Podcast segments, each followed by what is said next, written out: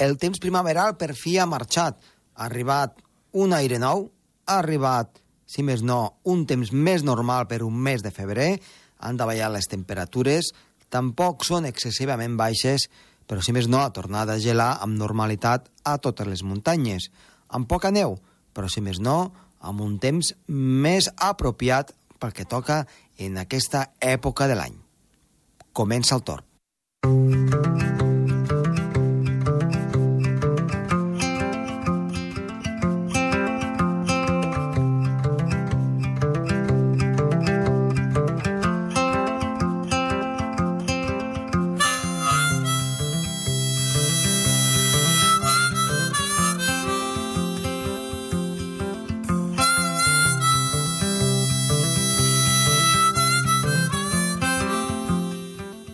Doncs avui en Sergi Carcelés ens parlarà de la situació que hem viscut aquests darrers dies, amb aquest eh, temps tan primaveral que s'ha estès no tan sols al Pirineu, sinó en moltes d'altres zones, i el perquè eh, doncs, de tot plegat d'aquesta pujada de temperatures. Això ho anirem també doncs, amb les altres seccions del programa i, com no, amb la previsió meteorològica per aquest cap de setmana. Som-hi!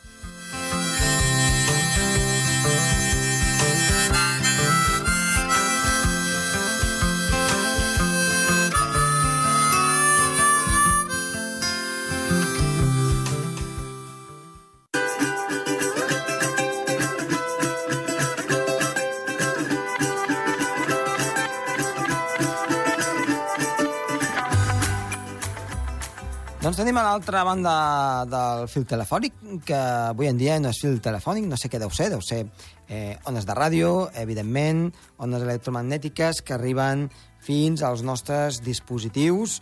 En Sergi Carceler. Sergi, bona tarda. Hola, bona tarda. No, no sé si és fil telefònic, en alguns casos segurament que sí. Fibra òptica, eh, bé, per, per les antenes, doncs, eh, evidentment, ones tipus ràdio, ones doncs, eh, d'una certa intensitat, una, una certa envergadura, algunes amb una amplitud més gran, altres amb una amplitud més petita, però vaja, ha canviat molt la cosa. Respecte al telèfon que teníem, doncs ara fa segle, segle i mig, eh? Doncs sí, ha canviat, ha canviat molt la cosa i hem de dir que cada cop les coses són més còmodes, o això semblen.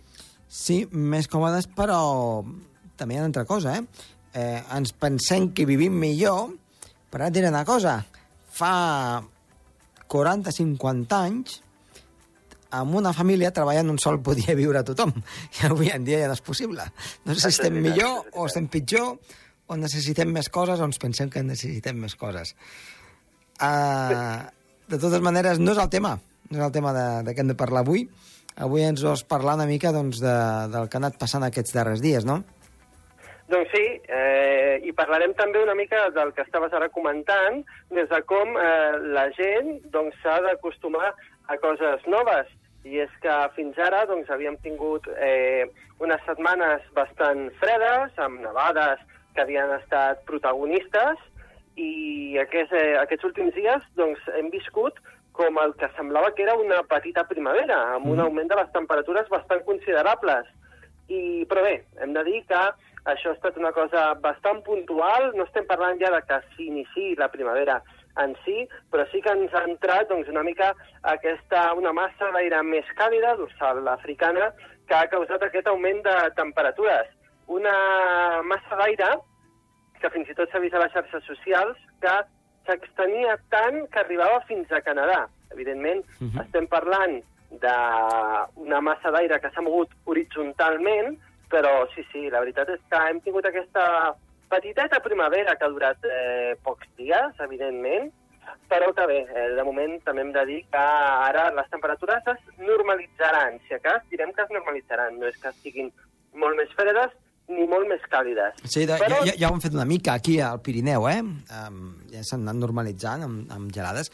Pensa que el, el passat dilluns, per exemple, hem, temperatura oficial, eh?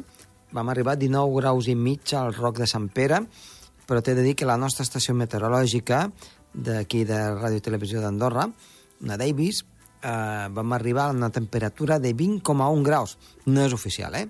però, mm, vaja, els 20 graus es van fregar, eh? Uh, no oficialment, però sí extraoficialment.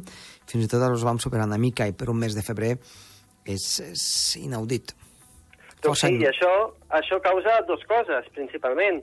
La primera és el desgel eh, o el, la, el, desna, el desnevat massiu uh -huh. que mhm. això causa i s'ha vist sobretot ara en moltes imatges que s'han vist a les xarxes socials i també en algunes notícies, no?, de petits riarols que ara ja no eren tan petits, s'havien mm. fet molt més grans, i moltes masses d'aigua que, evidentment, i molts rius que ara doncs, eh, estan recorrent a gran velocitat i amb una gran quantitat d'aigua a causa d'aquest desgel que hi ha hagut amb aquestes eh, altes temperatures puntuals.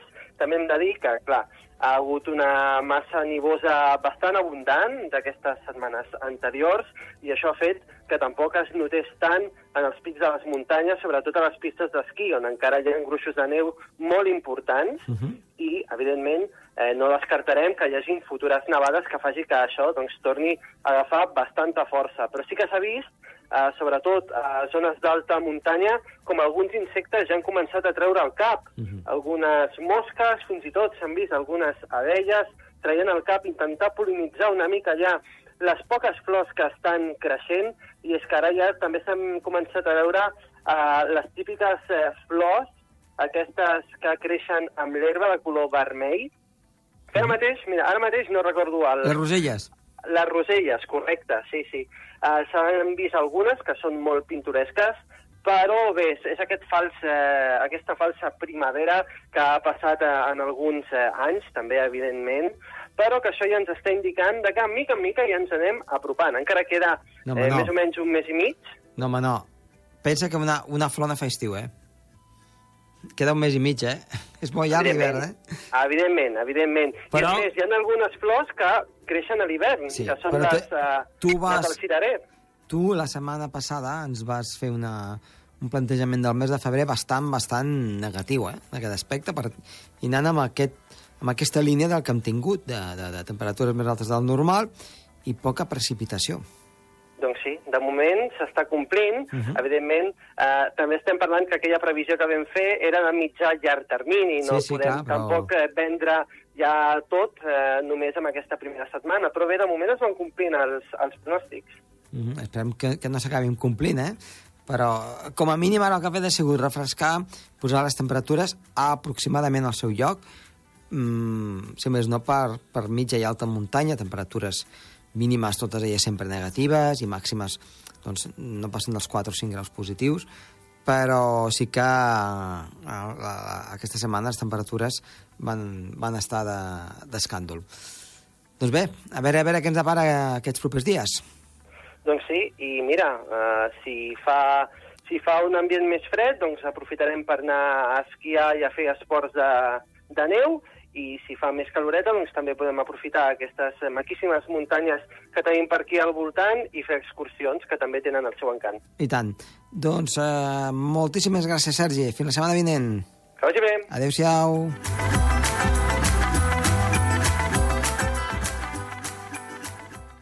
El Torb, amb Josep Tomàs.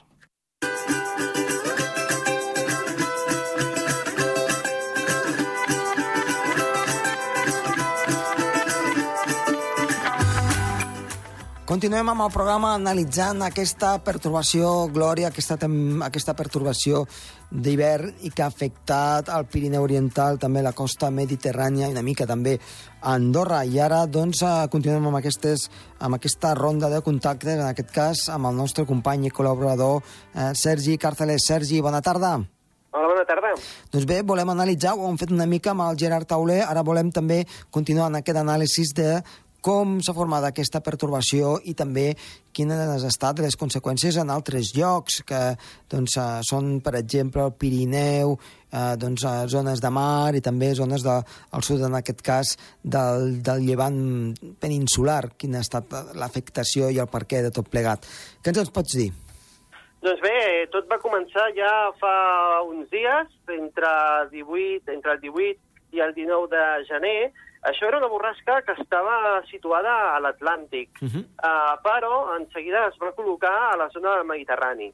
Uh, una de les causes va ser el fort anticicló que hi ha o que hi ha hagut eh, de bloqueig a, a les illes britàniques i centre d'Europa, un anticicló, per cert, molt potent, i és que ha arribat a valors de 1.050 hectopascals, que és un anticicló, un senyor anticicló, que ha fet de barrera tots aquests dies Sí, i ha sí. evitat de que doncs, eh, no només aquesta borrasca no es pogués desplaçar cap al nord, sinó que també hi havia una, un petit anticicló al, més al sud que ha fet com un efecte sàndwich i ha evitat que doncs, eh, la borrasca aquesta Glòria, la borrasca Glòria, doncs es pogués desplaçar i per això s'ha quedat atrapada. Mhm. uh, un cop eh, es va situar al sud eh, de la península ibèrica, al sud-est de la península ibèrica, eh, va començar a generar vent, un vent molt potent, a part, per aquesta, aquesta diferència de pressió atmosfèrica, i és que la borrasca en si no era molt profunda, però sí que teníem, per altra banda, un anticicló molt fort a, a les illes britàniques que feia doncs, que hi hagués aquesta diferència de pressió entre un lloc i un altre, provocant aquests vents quasi, quasi eh, començant a dir huracanats en alguns punts, sobretot de la costa catalana i també valenciana, arribant fins i tot a Murcià, amb vents superiors a 100 km per hora. No només eh, ha estat eh, la pluja i el vent el fenomen eh, destacat, sinó també les grans onades que s'han enregistrat. I és que, atenció, perquè han hagut onades a la Costa Brava que han arribat a valors superiors a 9 metres d'alçada. Eh? Així que estem parlant d'unes onades molt grans que han tingut eh, diverses eh, afectacions, entre elles eh, la espuma de, de mar o escuma de, de mar Sí. eh, generada doncs, per totes aquestes, eh, tota aquesta matèria no, viva que ha anat morint a causa de tot aquest eh, temporal, a part també doncs, molts altres éssers vius arrastrats, i ha generat una escuma de mar molt forta que s'ha desplaçat en alguns punts, per exemple, a Tossa de Mar, doncs, poble endins, i és que tota la ciutat va quedar ennuegada d'aquesta espuma. Hi ha imatges per internet que realment són molt impressionants. Però què va passar amb aquesta borrasca?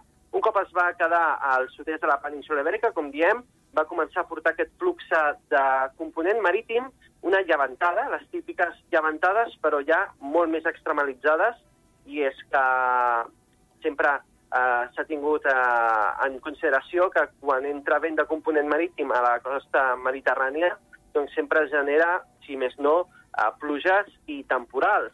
Aquestes llevantades a l'estiu porten tempestes molt fortes. Mhm. Però en aquest cas era una llevantada d'hivern que sí que han portat algunes tempestes i és que eh, s'ha de dir que ha hagut aparell elèctric eh, enmig del mes de gener, que ja és un fenomen eh, si no més eh, bastant estrany, Sí. Eh, I bé, doncs aquestes velocitats de vent, causades, com hem dit, per l'anticicló de bloqueig que hi havia al centre d'Europa, i aquesta borrasca, una borrasca que s'ha anat mantenint allà al llarg de 3-4 dies, i després doncs, ja eh, s'ha començat a desplaçar ja més cap a, cap a l'oest, eh, i això ja ha fet de que el règim de vent canviés, ja no fos un règim de, purament d'est, sinó Mm. més de sud, i això també doncs, ha generat doncs, que hagués un augment de les temperatures i també doncs, eh, una disminució de les pluges. Uh, però una cosa també a destacar és que uh, es va veure a principis de setmana com uh, hi havia una gran quantitat de precipitació acumulada al mar, però d'allà no es movia.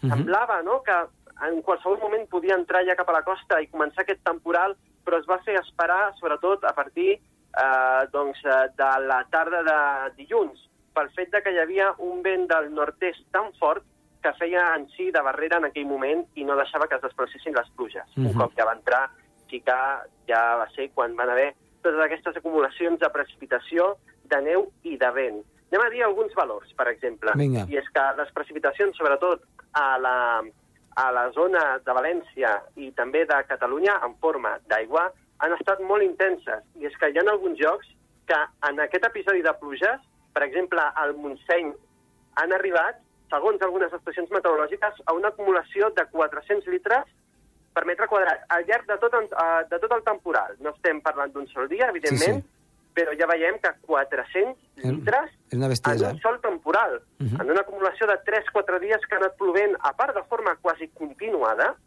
i amb baixades de temperatures. I és que a les zones del Montseny no només ha precipitat pluja, sinó també neu en alguns moments. Altres jocs, per exemple, a Sant Celoni, 333 litres, Uidacona, 300, A Olot, eh, també 266 litres. Estem parlant de valors molt elevats i bé, a les ciutats tampoc s'ha salvat gaire i és que han hagut precipitacions de fins a 80-90 litres per metre quadrat i a zones com, per exemple, Barcelona, amb aquestes precipitacions ja hi ha prou per fer un bon cacau.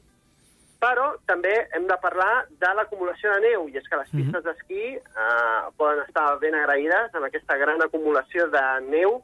Eh, tenim alguns valors. Començarem per una que és eh, francesa, a Cauteret. Mm -hmm. eh, ara mateix eh, s'enregistren un metre i mig, un metre 60 centímetres de neu acumulada. Altres zones del Pirineu català, per exemple, a la Molina, 150 centímetres, és a dir, metre i mig, a la Masella també metre i mig, eh, generalment, a la Queira Beret eh, també metre 30, i a zones d'Andorra també han hagut acumulacions molt importants. Avui eh, s'ha calculat que més o menys han caigut uns 70 centímetres de neu eh, per tota la zona dels pics de les muntanyes i també les pistes d'esquí, uh -huh. però ja tenim acumulacions eh, bastant més eh, fortes. Eh? Per exemple, a Coll d'Orbino ara mateix es calcula que hi ha quasi un metre de neu, a les Fonts d'Arinsal també un metre de neu, a Satúria mig metre i jo, altres zones com a Sorteny quasi, quasi arribant als dos metres de neu. Una borrasca que ja veiem que no ha deixat indiferent a ningú i també s'ha de tenir en compte altres efectes que desgraciadament hi ha hagut, per exemple, al Delta de l'Ebre, eh, que bé, eh, ja sabem que el Delta és una, una zona geogràfica eh, molt baixa, està quasi, quasi a nivell de mar, amb aquestes onades que han arribat a 8 metres, 9 metres en aquella zona en alguns moments, eh, han hagut zones que literalment han quedat engullides per al mar. Uh -huh. I és que si es veiessin ara imatges del satèl·lit, veuríem que sobretot al nord-est del delta de l'Ebre ha quedat completament engullit. Més de 3.000 hectàrees han quedat eh, engullides pel mar, en aquest cas. Ha desaparegut, diríem, ara eh, cal veure doncs, si quan comença ja a baixar l'onatge, es va recuperant aquesta zona, encara que desgraciadament sí que és veritat que tots els camps de rossals que hi havia arròs han quedat eh, malbé. Quasi tot el delta de l'Ebre ha quedat malbé amb aquests arrossals ja engullits per l'aigua de mar, amb aquesta extrema salinitat, uh -huh. i ara doncs cal veure doncs, quin han, quins han estat els efectes i, evidentment, a poder ser, intentar evitar-ho en un futur.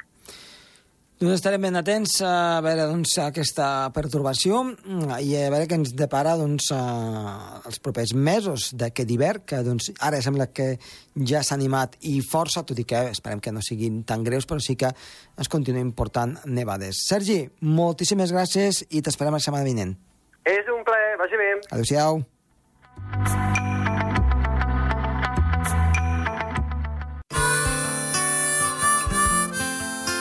El Torb, amb Josep Tomàs.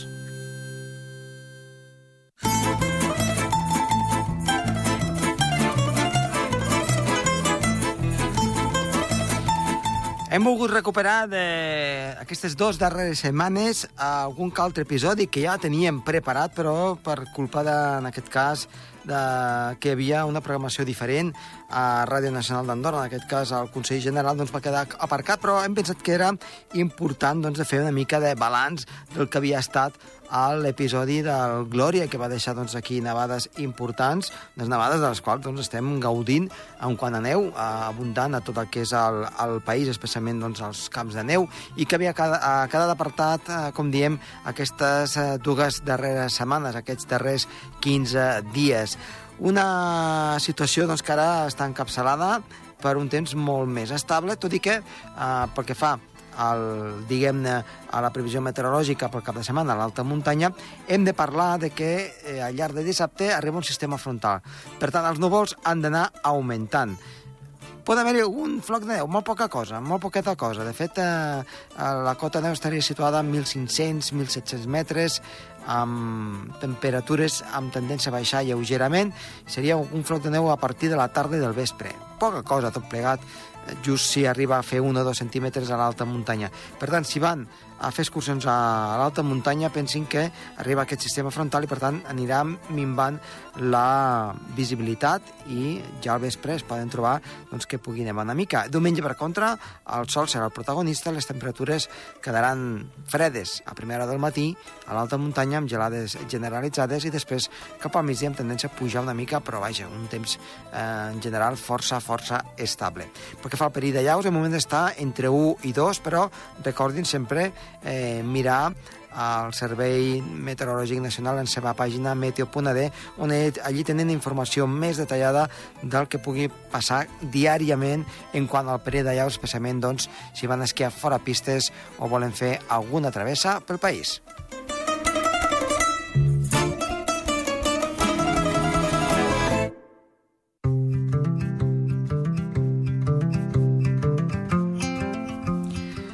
Doncs fins aquí el programa d'avui. Esperem que els hagi agradat. Està de les vies de so. Oriol Trulls i que els ha parlat amb molt de gust. Josep Tomàs, adeu-siau.